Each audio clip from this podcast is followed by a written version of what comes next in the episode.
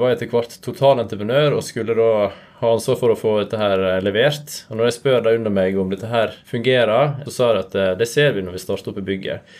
Og da har du jo en enorm risiko som du ikke har noen mulighet til å gjøre noe som helst med som totalentreprenør. Du er helt prisgitt de som er altså underentreprenørene i prosjektet. Og når du etter hvert kommer inn i driftssettingsfasen og spør deg hvordan det går, så får du bare noen sånn kryptiske beskjeder tilbake. Um, så det var liksom den kombinasjonen av de to som var utgangspunktet for, for dette her. Så da begynte jeg å, å lure på er det bare jeg som syns dette er problematisk, eller er det flere som, som kunne tenkt seg en annen måte å jobbe på? Er det interessant å bruke simulatorer for å løse akkurat det problemet også i, i byggebransjen? Velkommen til Praktisk Proptech. Med Martin og Tommy. Dette er en podkast der vi ikke skal snakke om en fremtid langt unna. Men hvordan ny teknologi kan hjelpe oss til å drifte Forvalte. og bruke byggene våre i dag. Vi vil vise deg de beste eksemplene fra innlandet Og fra utlandet. om hvordan sensorikk, teknologi og bygg henger sammen. So, let's go! Der, vet du. Der kom du inn. Vi klarte det. Ja, ja, ja. Det var jo ei la- det var jo kjempelang lekse i uh, innkallinga. Ja, ja, ja. Vet, du, jeg tenkte, Den har du lest hele helgen og pugget og testet og Ja. forberedt deg og manus. Selvsagt. Ja. Og så kom det til innføringa, da, vet du. Og da bare snubla jeg i vei. Men Men det, her er jeg. hvor er Jon Olav, da? Jon Olav, han er på vei. Jeg måtte bare ja, skal jeg logge meg inn, jeg òg. Skal han være med? Ja, ja, ja. ja, ja, ja. Han blir vel eh, kanskje litt så flue på veggen, da. Men, Jo, men jeg har jo, jeg har jo, jeg har noen spørsmål til han. Hele manuset vårt er jo lagt opp til at vi skal ha dere begge to med oss. så kult. Når Tommy pitcha inn episoden, så nevnte han Ja, du, Martin, jeg har møtt to trivelige karer fra Eidfjord med fantastiske dialekter. Jeg var solgt med en gang. Noen ganger tenker man man må prioritere lydbildet over teknologi når man booker gjester. Det er bare én som har liksom bor der, eller bodde der først. For jeg lærte meg òg at Jon Olav han bodde i byen i mange år. Stemmer ikke det? Jeg bodde i Bergen i tolv år. Ja. Før da kom jeg fra Eidfjord. Innerst i Hardangerfjorden. Ja. Men Martin er, Martin er veldig glad i dialekter, da, så jeg måtte liksom Det var en viktig pitch. Og så var jo det selvfølgelig det at når jeg møtte da Jeg møtte vel deg Gjermund for tre-fire år siden, kan det stemme?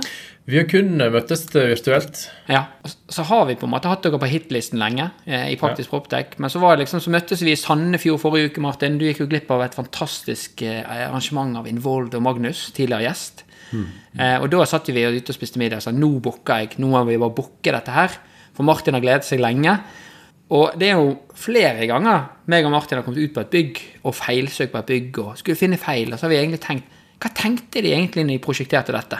Og det er vel litt av ideen til eh, Virtual House, stemmer ikke det? Definitivt. Det er det. I stedet for å skulle først installere utstyret i bygget, og så skal du begynne å teste det og bruke bygget egentlig som et slags testverktøy, så, eh, så bruker vi simulatorer til å, å gjøre det samme. Du får et slags virtuelt bygg som du kan leke det med i, i en tidlig fase, da, prosjekteringsfasen. da. Det er en eh, veldig enkel måte å forklare det vi gjør på. Er jo vi, vi er jo mest glad i menneskene. Jo da, men vi er også teknologiglade karer, Okay, Tommy. Teknologi er gøy. Ja. Vi må ha litt av begge deler.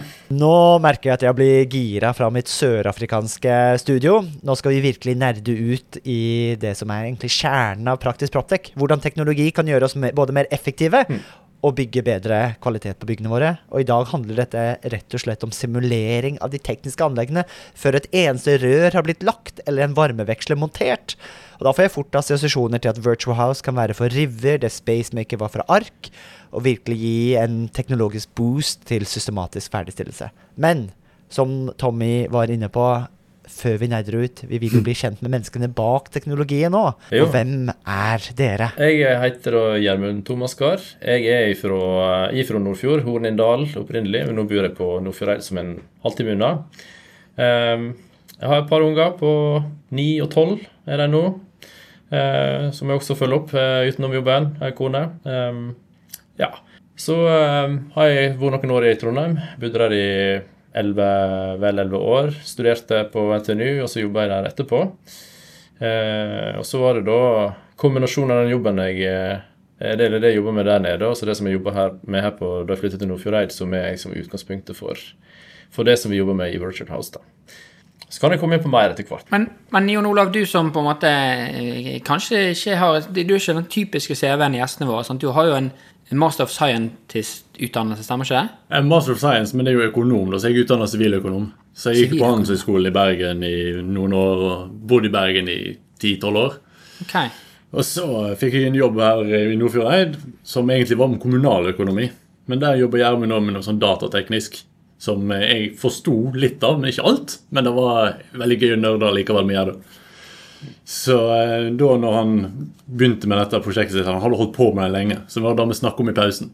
Så da ble jeg med som første investor og styremedlem.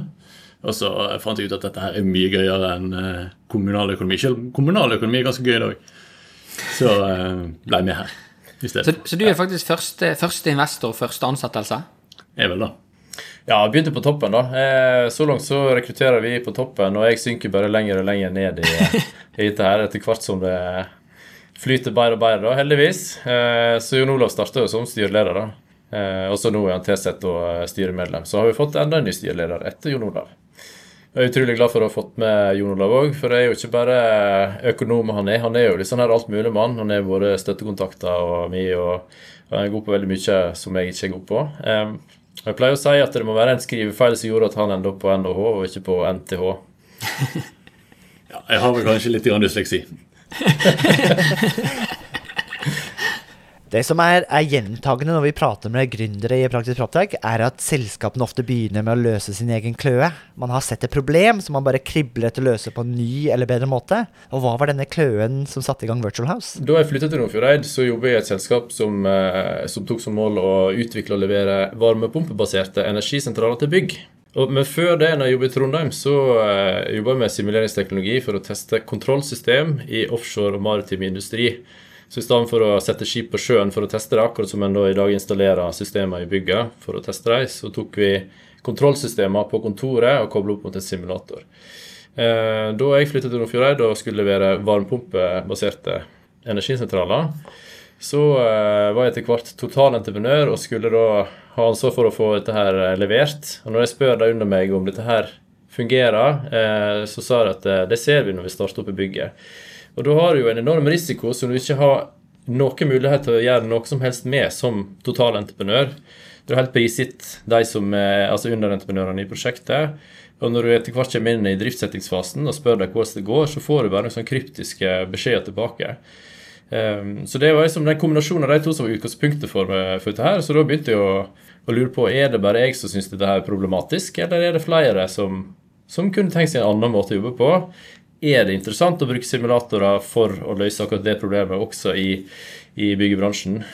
Og når jeg spurte om det, jeg spurte folk rundt meg om det, så var det jo ingen som kunne gi meg svaret. Så da måtte jeg bare ut og, og begynne å snakke med folk. da. Jeg tenker jo det at, eh, Martin, jeg kjenner jeg, begynner å bli sånn Nå ble jeg giret, for nå har jeg lyst til å nerde. Og, og eh, jeg, tror vi må, jeg tror vi må dykke dypt. For det, og så tenker jeg jo, hvordan skal vi klare å få med oss alle? Alle som ikke er så glad i tekniske anlegg, sånn som sånn så vi er.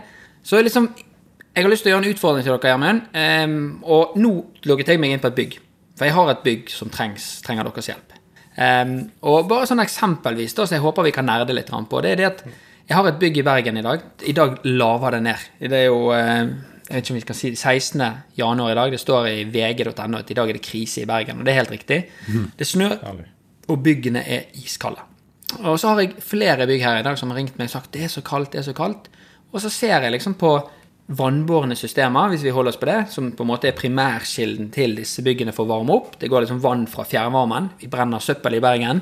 Varmer opp byggene. Denne varmen går ut til radiatorkursen vår.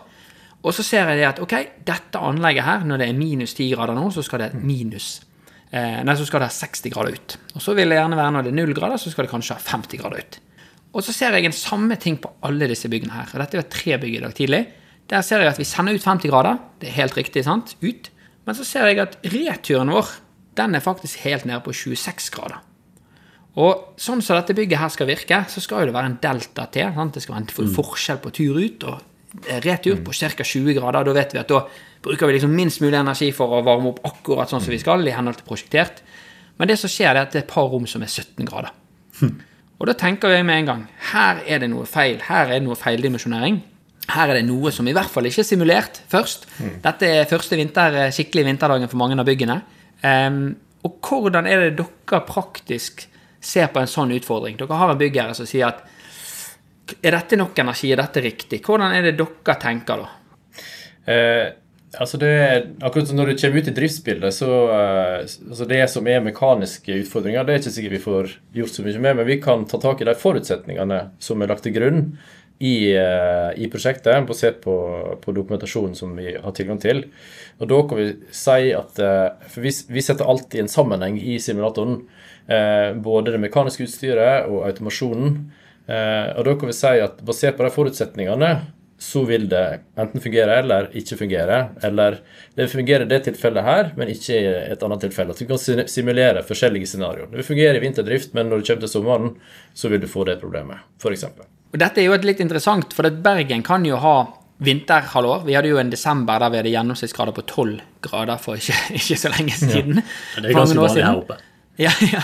Og så har jo vi hatt en desember nå der vi har hatt det ganske kaldt. Vi har lagt på minus store deler av desember og januar. Um, og det er jo ett bygg her er fire år gammelt, aldri hatt dette problemet før.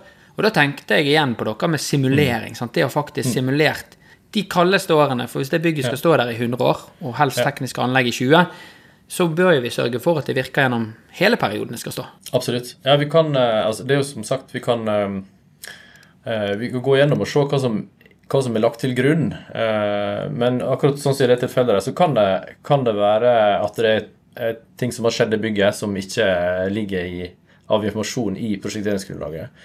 Men det vi kan gjøre, er at eh, når vi får tilgang til et bygg som står, så kan vi da sette opp eh, simulatoren for å kunne prøve å begynne å feilsøke. da. Vi ser at basert på det vi har fått, så er det antageligvis et problem med den ventilen der, f.eks., eller med den pumpa der. Og da har du en, en god måte, et godt utgangspunkt for å begynne å feilsøke bygget, istedenfor å gå rundt med, med lykt i bygget liksom, og, og sjekke.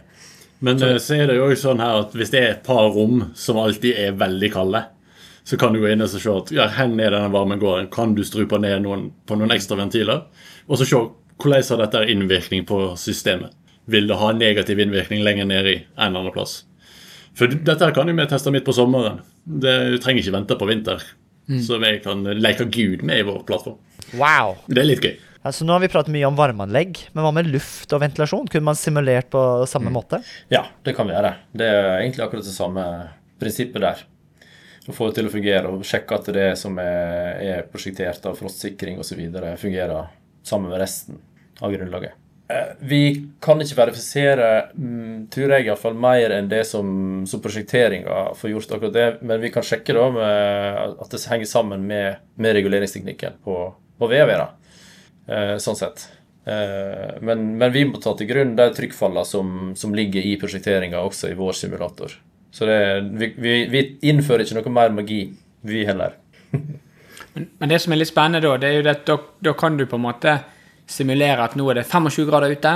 Da blir mm. det så og så varmt inne, og så må anlegget for eksempel gå på 100 ja. Basert på trykkfall og sånn, så ser vi at vi har mm. tilstrekkelig luft og riktig delta, eller temperatur inn osv. Hvordan vil det gå i en slags eh, en sånn middelsituasjon, f.eks.? Hvordan vil systemet stille seg inn da, osv.? Ja, for det er ofte det som er mest spennende. Sånn overgang mellom vinter- og sommerdrift og den slags. For det der bruker systemet ofte veldig mye unødvendig energi. Det er eldsjeler som slår inn, og varmepumper og frikjøling og alt sånt. Ja, det er jo motstridende med eldsjel og frikjøling, men allikevel.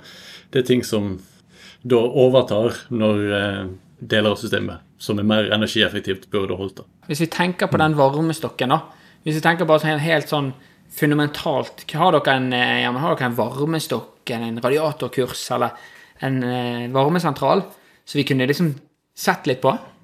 Ja, det vi Det beste case vi har, det er jo egentlig eh, kjølesystemet på et bygg. Eh, men det, det, som er bra, altså det vi gjør, det er at vi får tilgang til, til det som er av prosjekteringsgrunnlag, eh, FDV-dokumentasjon. Eh, og så begynner vi å, å, å kna dette her og sette opp simulatoren. Og hvis vi finner noe som ikke henger sammen der, så stiller vi da spørsmål til dette her. Eh, og i en prosjektsammenheng så er jo det da uansett spørsmål som vil dukke opp før eller seinere. Og det vil jo være bare at det dukker opp før enn seinere. Og, og, hvis det er litt tidlig, så kan vi jo uansett legge inn eh, midlertidige verdier som vi kan oppdatere i simulatoren seinere. Eh, det gjør det mye lettere å jobbe, for da kan du jo komme i gang. Nice. Så nå har du logget inn i Virtual House. Vi ser et fresh dashbord. Vi ser en modell hvor du mm. allerede har kjørt en del forskjellige simuleringer under uh, forskjellige forutsetninger. Men før vi kommer så langt, ja. Eh, hvilke grunnlag trenger du? Hvilke filer har du fått fra Riven i forkant for å kunne sette opp en simulering for å etterprøve designet til et anlegg på en slik måte? Trenger du BIM, FTV, funksjonsbeskrivelser Ja. osv.? Hva slags grunnlag trenger man for å kunne få alt satt opp i Virtual House? Ja, vi trenger systemskjema, eh, og så trenger vi funksjonsbeskrivelse. Eh, og gjerne altså datablader for komponenter, i den grad det finnes. Eh, og hvis de, ikke, hvis de ikke har det, så, så må vi bare bruke det de mener er, er de verdiene som antageligvis kommer i bygget. da. Eh, og så etter hvert som prosjektet går framover, og de får eh, vet hva komponenter som skal inn, så kan vi ta data fra databladet. da. Ah, ok, Så det, det krever litt mer manuell innhenting. Det er ikke slik at jeg kan ta BIM-filen fra prosjektet mitt, laste den opp til Virtual House, og så vil den automatisk generere en simulering klar for meg til å kjøre Nei, på. og det er ikke sikkert han vil gjøre på sikt heller. Det er ikke, etter det jeg har eh, lest rundt omkring, så er ikke det all, all informasjon som vi trenger som, vil, som passer i BIM-formatet, rett og slett. Eh, så, og Foreløpig så er det her en, eh, en manuell prosess som vi gjør på baksida. Eh, men eh, og så kan det hende at enten så designer den på plattformen vår på sikt, eller så, så klarer vi å automatisk generere det her fra prosjektdokumentasjoner. Men er det òg sånn at hvis eh, du får fullt eh, Altså vi får PNRD, eh, systemskjema Systemskjema. og funksjonsbeskrivelse, og alt sammen stemmer, at det ikke blir noe feil en eller annen plass, at simulatoren går opp, så er det bare å laste opp. Og så tar det et par dager, og så har du en simulator som du kan leke med på vår plattform. Ja. Det er veldig sjelden vi møter ting som der alt sammen bare går igjennom, men det kan skje. I teorien. Så, og det som er naturlig, da, er at i stedet for at du skal liksom, lage en simulator for hele, hele bygget eller hele systemet på en gang, så er det bare å begynne med en liten del og sørge for at, den, at du forstår den, og at den fungerer bra, før du eh, går videre på resten av systemet. For det å, å forstå eh, all dynamikken, rett og slett, i, i hele systemet på en gang, og hva som eventuelt er feil, eller kanskje det faktisk er rett, men du forstår det ikke, det, det er for komplekst. og Derfor er det bedre å ta det bit for bit, og så koble det her i hop, og til slutt se at helheten også blir som en ønsker. Så hvis vi nå går inn eh, her og velger i jeg må må gjøre det på min skjerm her. Velger en ny simulering, så har vi da eh, i lag med prosjektet blitt enige om at vi skal eh, sette opp en, eh, modell for, eh, for kjølesystemet. Her har vi da to kjølemaskiner som står i, i parallell. Um, en buffertank og et, uh, en en varmeveksler. Uh, og Det som på en måte er utafor modellen, og som er input, det er da lasta, kjølelasta på bygget, og så er det utetemperaturen. Utetemperaturen bestemmer jo om det er sommer- eller vintermodus, og, uh, og hvor mye kjøling du Eller varme du får, får vekk ifra, på tørrkjølerne på taket osv. Eh, og så her kan du da, eh, da vi sammen, I lag med prosjektet har funnet ut, eller bestemt hva er det slags parameter som skal kunne endres. For eh, vi kan jo endre på hva som helst, egentlig. Eh, og det blir eh, uhensiktsmessig å kunne, kunne endre på alt. Eh, så da er det å finne ut hva er det som er mest relevant eh, og interessant å kunne variere på. Da. Eh, og Det kan være både innstillinger i internautomatikken i, i kjølemaskinene her, og det er i innstillinger i automasjonssystemet, eller det kan være mekaniske parameter som størrelsen på, på buffertanken. Eh, så da kan en klikke rundt her, og så kan en sette de parametrene en ønsker. Eh, Utekompenseringskurver, f.eks., eh, osv. Når en er enig, eller når en har funnet de innstillingene en ønsker å gå for, så kan en eh, trykke play. Og da Ja, trykke på play. Det jo det kjekkeste. Eh, og nå, nå simulerer vi da eh, fem timer med, med kjølesystemdrift. Eh, og da kan du Hvor mange timer? Fem timer har vi simulert nå. Ja. Og Da kan du gå inn eh, på og vise simuleringsresultater for å eh, studere hvordan det scenarioet eh, oppfører seg.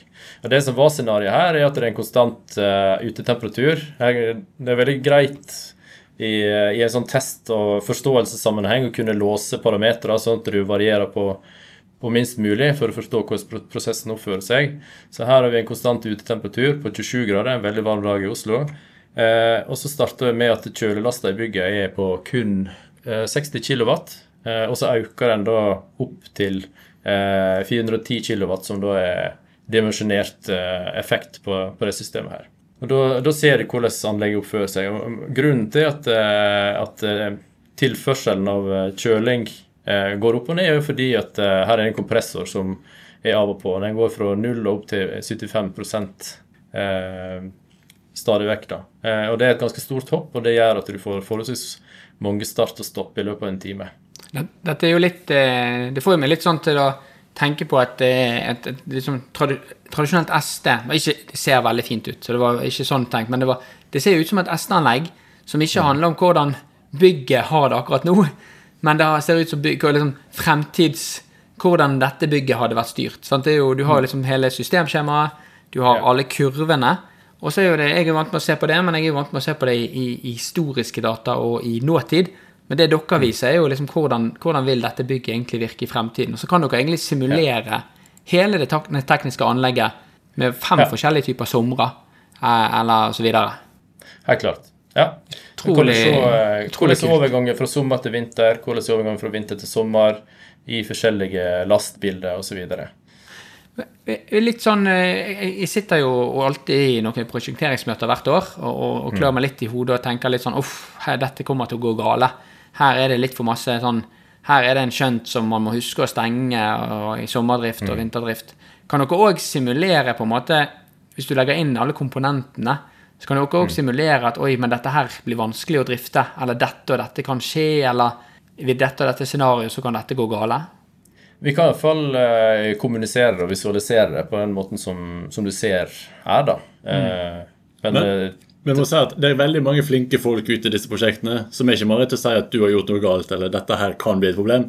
Vi sier bare at sånn som du designer det, sånn kommer det til å se ut, og sånn kommer det til å bli drifta. Mm. Da kan vi at du vil ha 75% og 100% på en kjølemaskin. Det er helt opp til de som eier bygget, og de som skal prosjektere. Ta den beslutningen.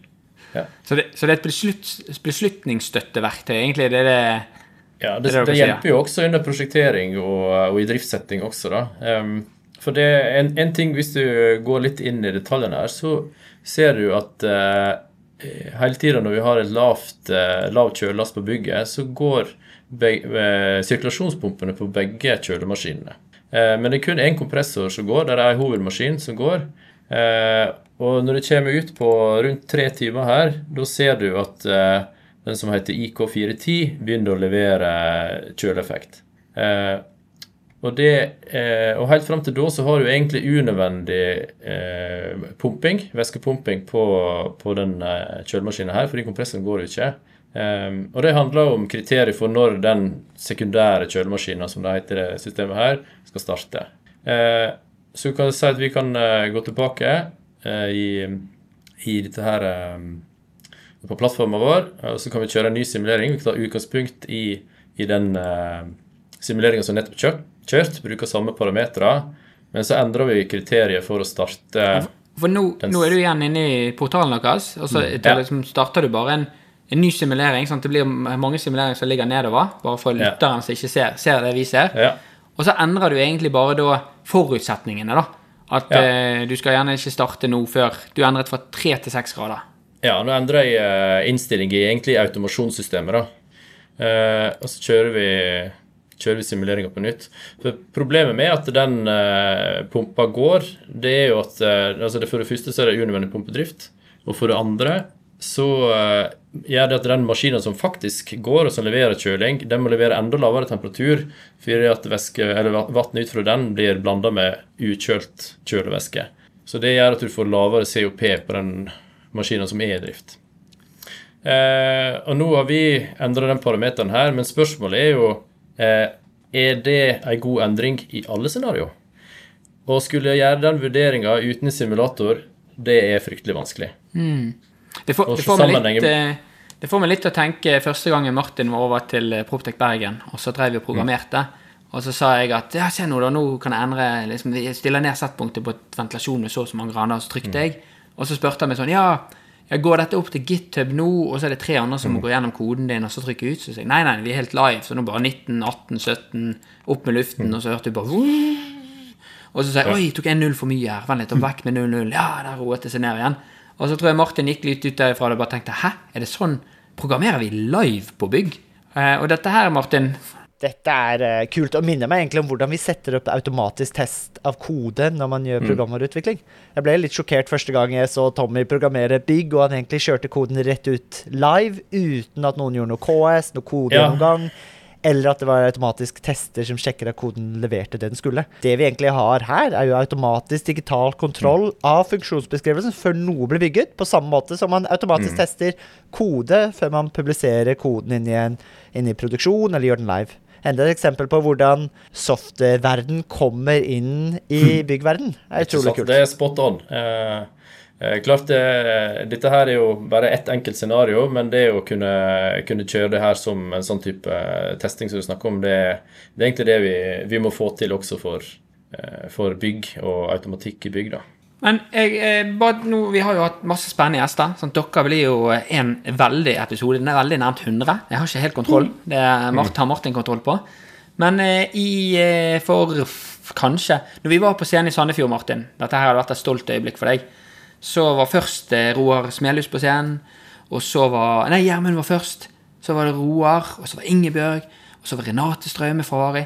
Så jeg satt jo live og redigerte podkasten. Nei, presentasjonen og tok liksom opp podkast av alle som hadde vært på scenen. Og eneste som jeg ikke hadde da, var Gjermund. Men det er jo fikset nå, så hvis vi skal tilbake til Sandefjord, så er jo det ordnet. Men eh, på scenen der så var jo Consigli. Eh, og når jeg ser litt på dette, og jeg ser litt på hva Finable er jo på, på driftstiden. Sant? Har de fått det de papirene de skal ha? Og en episode i Praktisk Proptech. Consigli som på en måte går inn med denne digitale rådgiveren sin. Ser du noe grenseskille eller overlappinger med det dere prøver å gjøre, og det Consigli prøver å gjøre? Ja, det jeg ser er at hvis de er i prosjekter, så vil det hjelpe oss. Eh, for de eh, tar liksom eh, og gjør prosjekteringsgrunnlaget bedre og får for, hva skal jeg si, orden på det, da, sånn som jeg forstår det. Og det gjør at, at det grunnlaget som vi trenger for å gjøre vår jobb, blir eh, bedre. Det er høyere kvalitet på det.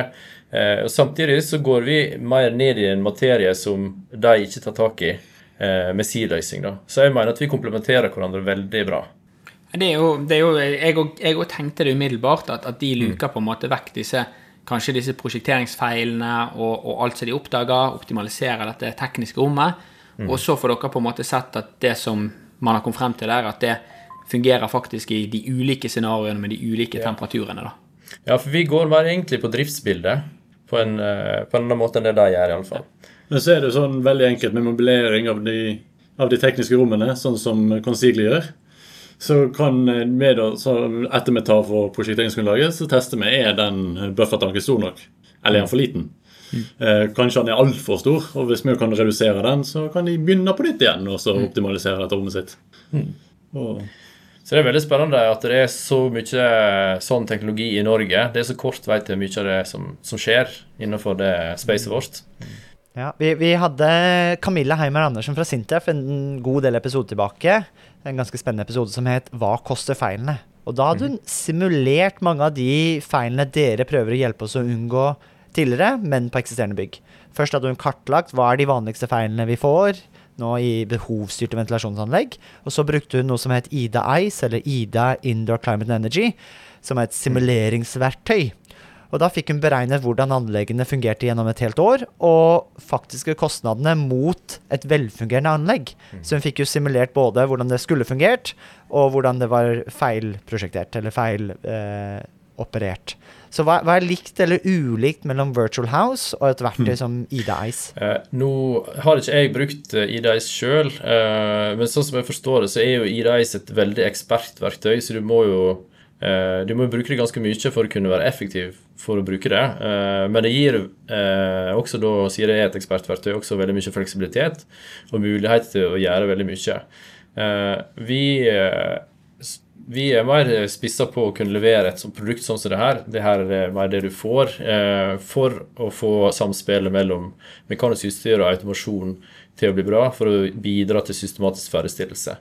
Eh, så det er en kort eh, ja, altså, for å si det litt enkelt eh, på en annen måte. Vi har jo snakka med enkelte i Nordkonsult og sånne ting som bruker IDICE. Og Den største forskjellen er at vi driver med det som vi kaller dynamisk simulering, og IDICE mer statisk eh, simulering. På dette. Så en del av outputen fra IDICE kan vi da putte inn som lastkurver og sånt, for å se hvordan det vil påvirke systemet. Mm, interessant. Og det, det tar oss egentlig mer eh, på den typiske brukeren, da. Et godt spørsmål. Hvem, hvem ser dere for dere skal ta dette i bruk, og hvem er dere hjelper til? Hva er den typiske rollen og aktøren som drar nytte av et verktøy som eh, Virtual House? Det er altså det, Vi kan være flere plasser i prosjektet. Eh, det vi ser nå, at det er, det er særlig entreprenører som, eh, som er interessert i oss. Eh, vi kan være med i, inn i tilbud eh, for å styrke tilbudet innenfor eh, ITB. Eh, vi kan også komme inn til byggherre. Jeg har eksisterende bygningsmasse eh, der en har, har lyst til å ha en simulator, eh, enten for å kunne feilsøke og ha et verktøy for det, men også til opplæring og kanskje driftsoptimalisering. Sånne ting. Så kan en gå direkte inn til rådgivningsmiljøet for at vi kan hjelpe dem med en intern kvalitetssikring i, i et prosjekt. da. Det som vi også hører fra rådgivere, er at, eh, at det er, er ingen insentiv. Det er sagt fra rådgiver sjøl. Det er ingen insentiv i prosjektene for dem til til å gjøre nye ting, fordi det er risiko involvert ved å finne nye design. Eh, og Dermed så ender det opp med at det blir eh, at de kopierer design fra tidligere, sjøl om de vet at det finnes bedre, mer energi, energieffektive design. Mens hvis du har med et sånt verktøy inn i prosjektet, så kan det være med på å ta ned innovasjonsrisikoen. Så du har et sikkerhetsnett, rett og slett. da. Det er jo, Jeg leste jo eh, tidligere denne uken, nei forrige uke var det vel kanskje, så var jo Skanska ute og skrøt litt av dere på ITB Aktuelt. Fortell litt om, eh, om, om det, eller det prosjektet eller samarbeidet der. Stemmer det. Jeg var jo som sagt ute for en eh, tid tilbake og ute og sjekka markedet om det var interesse for dette her. Og en av de som, eh, som liksom alltid har vist interesse og vært veldig eh, inviterende og, eh, for oss, det er Skanska. Eh, så når vi eh, var kommet dit at vi trong å gjøre et større innovasjonsprosjekt med en eh, såkalt krevende kunde, altså noen i bransjen som, eh, som er med på, på et utviklingsløp, så var vi ganske interessert i det. Eh, Det gjorde at vi fikk med Innovasjon Norge også på, på dette prosjektet. og Det la med Skanska vi har, eh, har utvikla løsninga vår som vi har nå. da. Eh, Så fikk vi også med oss Entra, det var deres bygg vi jobba med. Eh, og Der var det Schneider Electric som lærte automasjonen. Eh, Så de eh, fikk vi også en del tid hos, da, uten at vi hadde et formelt samarbeid med dem. I tillegg så har vi jo Norconsult, eh, Erlend Nes, som har vært med oss også på flere workshoper og flere, mange Teams-møter og, spara med oss. da. Så Det ble vi ferdig med nå litt før jul. da. Ha, har dere noe sånn eh, noen sånne bullet points? liksom, Hva, hva oppnådde dere? Hva, hva, hva lærte dere? Hva, hva trodde dere ikke dere skulle eh, lære? Og, og var det noen liksom som overrasket dere? Eh, Det, altså vi, start, vi hadde jo et utgangspunkt da, eh, for hva vi ville oppnå, og så har vi jo skifta litt retning etter hvert. Det som vi starta med, var å koble opp simulatoren vår mot automasjonssystem til Schneider Electric. Eh, Det gjorde vi, men siden det i en sånn innovasjonskontekst så var det vi som måtte koble oss på dem, så var det veldig mye jobb. Selv om eh, jeg må si at vi fikk veldig god hjelp fra, fra Schneider Electric eh, i det arbeidet, så, så var det greit nok i et innovasjonsprosjekt, men foreløpig så er det for kostnadskrevende å gjøre det i, kommersielt. da. Men det kan hende at på sikt Men eh, noe av det som var veldig bra med det samarbeidet med Schneider Electric, der, var at vi fikk verifisert at vår simulator den gjenspeiler virkeligheten. Så måten Schneider Electric prøvde å kontrollere vår simulator på, var samme måte som de prøvde å kontrollere bygget på. Og de reagerte på samme måte på temperaturendringer i vår simulator som det ville gjort i virkeligheten. Men det vi, vi tok og diskuterte da, eh, i lag med både Schneider Electric, Entra, Norconsult, HRP og Skanska, som hvordan eh, bør det produkt, produktet vårt innrettes. Og da, da var det jo egentlig anbefaling for alle om å gå mot eh, et produkt som kan bidra tidligere i, i prosjektet, altså før automasjonsentreprenøren er inne. Uh, og Det sa også representanten fra Schneider Electric at det vil hjelpe deg i prosjekt, fordi at da vil de få et bedre prosjekteringsgrunnlag å jobbe ut ifra. Da blir det færre endringer og plunder og heft i sluttfasen. Den, den episoden du refererte til der med Camilla, heter jo 'De fem typiske feilene i behovsstyrte anlegg'. Eh, Men hva, hva, ser dere? Hva, hva er de typiske feilene Virtual House eh, finner? Har dere en sånn topp fem-liste av eh, typiske feil man finner i designfasen? Er det for det meste det, hvordan tingene er blitt fysisk designet, eller finner dere mer på automatikken og styringen? Ja, det er begge deler. Det er jo på en måte det vi sier, jo at det er samspillet mellom disse her. Vi har jo funnet blødere som er feilplassert, f.eks. Vi har funnet for små pumper. Eh, og vi har funnet automatikk som Hjelp en en med vann her nå. Hva betyr en feilplassert bløder i denne konteksten? Ja, jo, eh, hvis du har et, eh, et varmebatteri, så, eh, det jo, du skal levere varme til ventilasjonslufta, så kommer jo det ifra eh, varmesystemet. Eh, da blir det da, for at du skal ha varmt vann fram til det varmebatteriet, så blir det sirkulert vann hele tida. Eh, og den, eh, da må du ha en, en bløderventil, er et rør som sørger for at det kan gå litt vann hele tida, men det skal ikke gå så mye. Eh, eh, men den, var da, det, den bløderventilen var plassert etter en, eh, en motorstyrt ventil, som gjorde at når den motorstyrte ventilen var stengt, så ville det ikke kunne gå vann gjennom den bløderen. Eh, og Så det er dette jo- var jo da Det var jo en ny ventilasjonsanlegg som, som hadde den løsninga. Så da fant vi opp når vi da begynte å koble opp simulatoren, at eh, her går det ikke vann. Det, Så kons det, konsekvensen av det det kan jo bli kostbar, for det kan jo bli frost, det kan bli lekkasjer, Hmm. og det kan bli veldig dyrt. Og tradisjonelt, hvordan hadde man oppdaget en slik eh, feilprosjektering? Altså, det, det kan være flere måter. og Nå er ikke jeg den som har, stått mest i teknisk rom sjøl. jeg er jo en eh, simuleringsmann, egentlig. Eh, men det kan jo enten være at det er dyktige folk på gulvet som redder dagen og ser at dette her, det kan ikke gå. eh, og, og fikser det. Men eh, for, for vår del, som ser på prosjekterings, eller prosjekteringsgrunnlaget, så veit ikke vi om det er bygd sånn, eh, så i henhold til tegning, eller om det er bygd på annen måte, og at da S-biltegninga ikke er oppdatert. Og det er jo også et poeng å ha god dokumentasjon for disse byggene her, ikke sant? Men det er sånn, vi har òg funnet temperatursensorer som er flerplassert. Sånn som gjør at uh, ei varmepumpe vil ikke sette i gangen. Den, Hva sa du nå? eh, den uh, temperatursensoren i forhold til elkjelen. For da ville elkjelen slått inn, og den elkjelen ville bare gått når den først slo inn. Så ville den gått helt til du ikke hadde vannbehov i bygget. Og da ville du ikke merke på bygget. Du ville bare merke at du hadde en veldig høy strømregning. Og dette er jo jeg, jeg må jo bare si at flere av disse feilene her har jeg sett i ekte bygg. Altså jeg har sett det at elkjelen slår inn, retio blir for høy, bypasser hele varmepumpen, og så kjører vi på, på elkjele som primærdriver, egentlig. Ja. Og, og jeg tror jeg har Jeg tror vi alle, alle de som holdt på med, med styring av bygg og tradisjonell byggautomasjon på I hvert fall på liksom 2010-2015, så tror jeg alle på en måte ble veldig gode i å moppe gulv. For det var alltid et varmebatteri eller to som smalt på en byggeplass. Det var ikke noe nytt. Nei. Så det med bløder òg var jo et, et stort problem tidligere. Så jeg håper jeg er ganske luket vekk. Men veldig konkrete problemer som der du på en måte har store konsekvenser, da det koster utrolig masse hvis dette skjer på bygg. Ja, ikke sant? Og det, dette er sånn som, eh, sånn som jeg ser, selv om du egentlig har de beste, veldig dyktige folk i alle ledd på prosjektet, byggherresida, eh, entreprenørsida, så, eh, så er det så mye at sånne ting går igjennom. Jeg må jo si at jeg syns, det, jeg syns Martin, det er litt sånn spennende nå. Nå har vi hatt eh, mange selskaper som på en måte bruker datagrunnlag eh, og, og, og, og hjelper oss å kvalitetssjekke leveranser før bygg blir bygget. Om det liksom, konsulentene gjør riktig i forarbeidet. Liksom hjelper oss å bli, bli flinkere i jobben vår, alle sammen.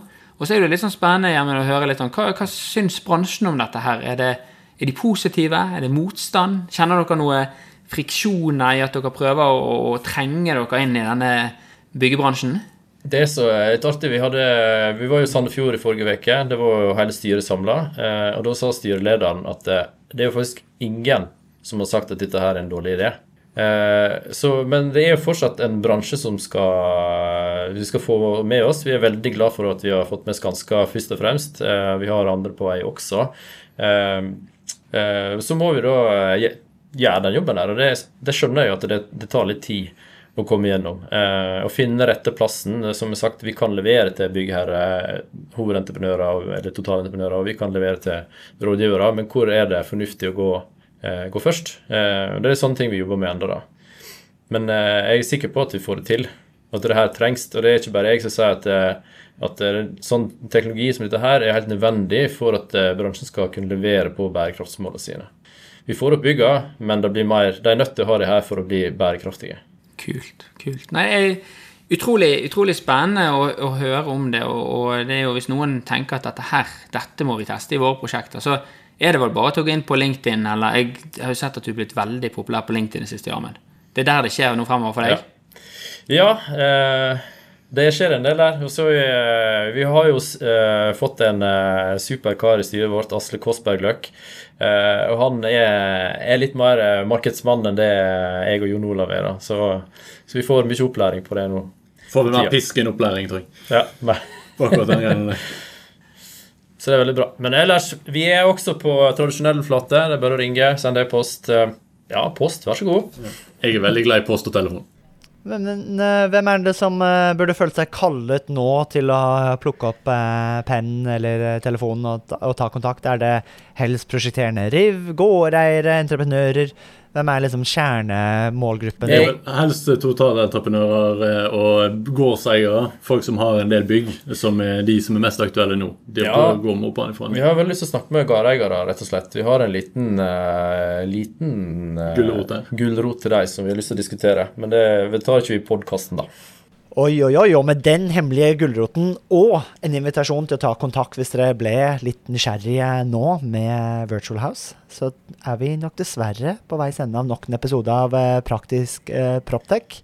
Vi har blitt godt kjent og nerdet ut med Virtual House, et Proptech-selskap utenfor en av de store byene i Norge. det. Og med det kan jeg ikke si noe annet enn at uh, mitt navn er Martin. Jeg er Jon Olav. Jeg er Gjermund. Og mitt navn er Tommy. Og dere har nettopp hørt på Praktisk Sportek! Med litt legg fra Martin til Sør-Afrika. Jeg ble til legg hele veien. Herlig. Ja.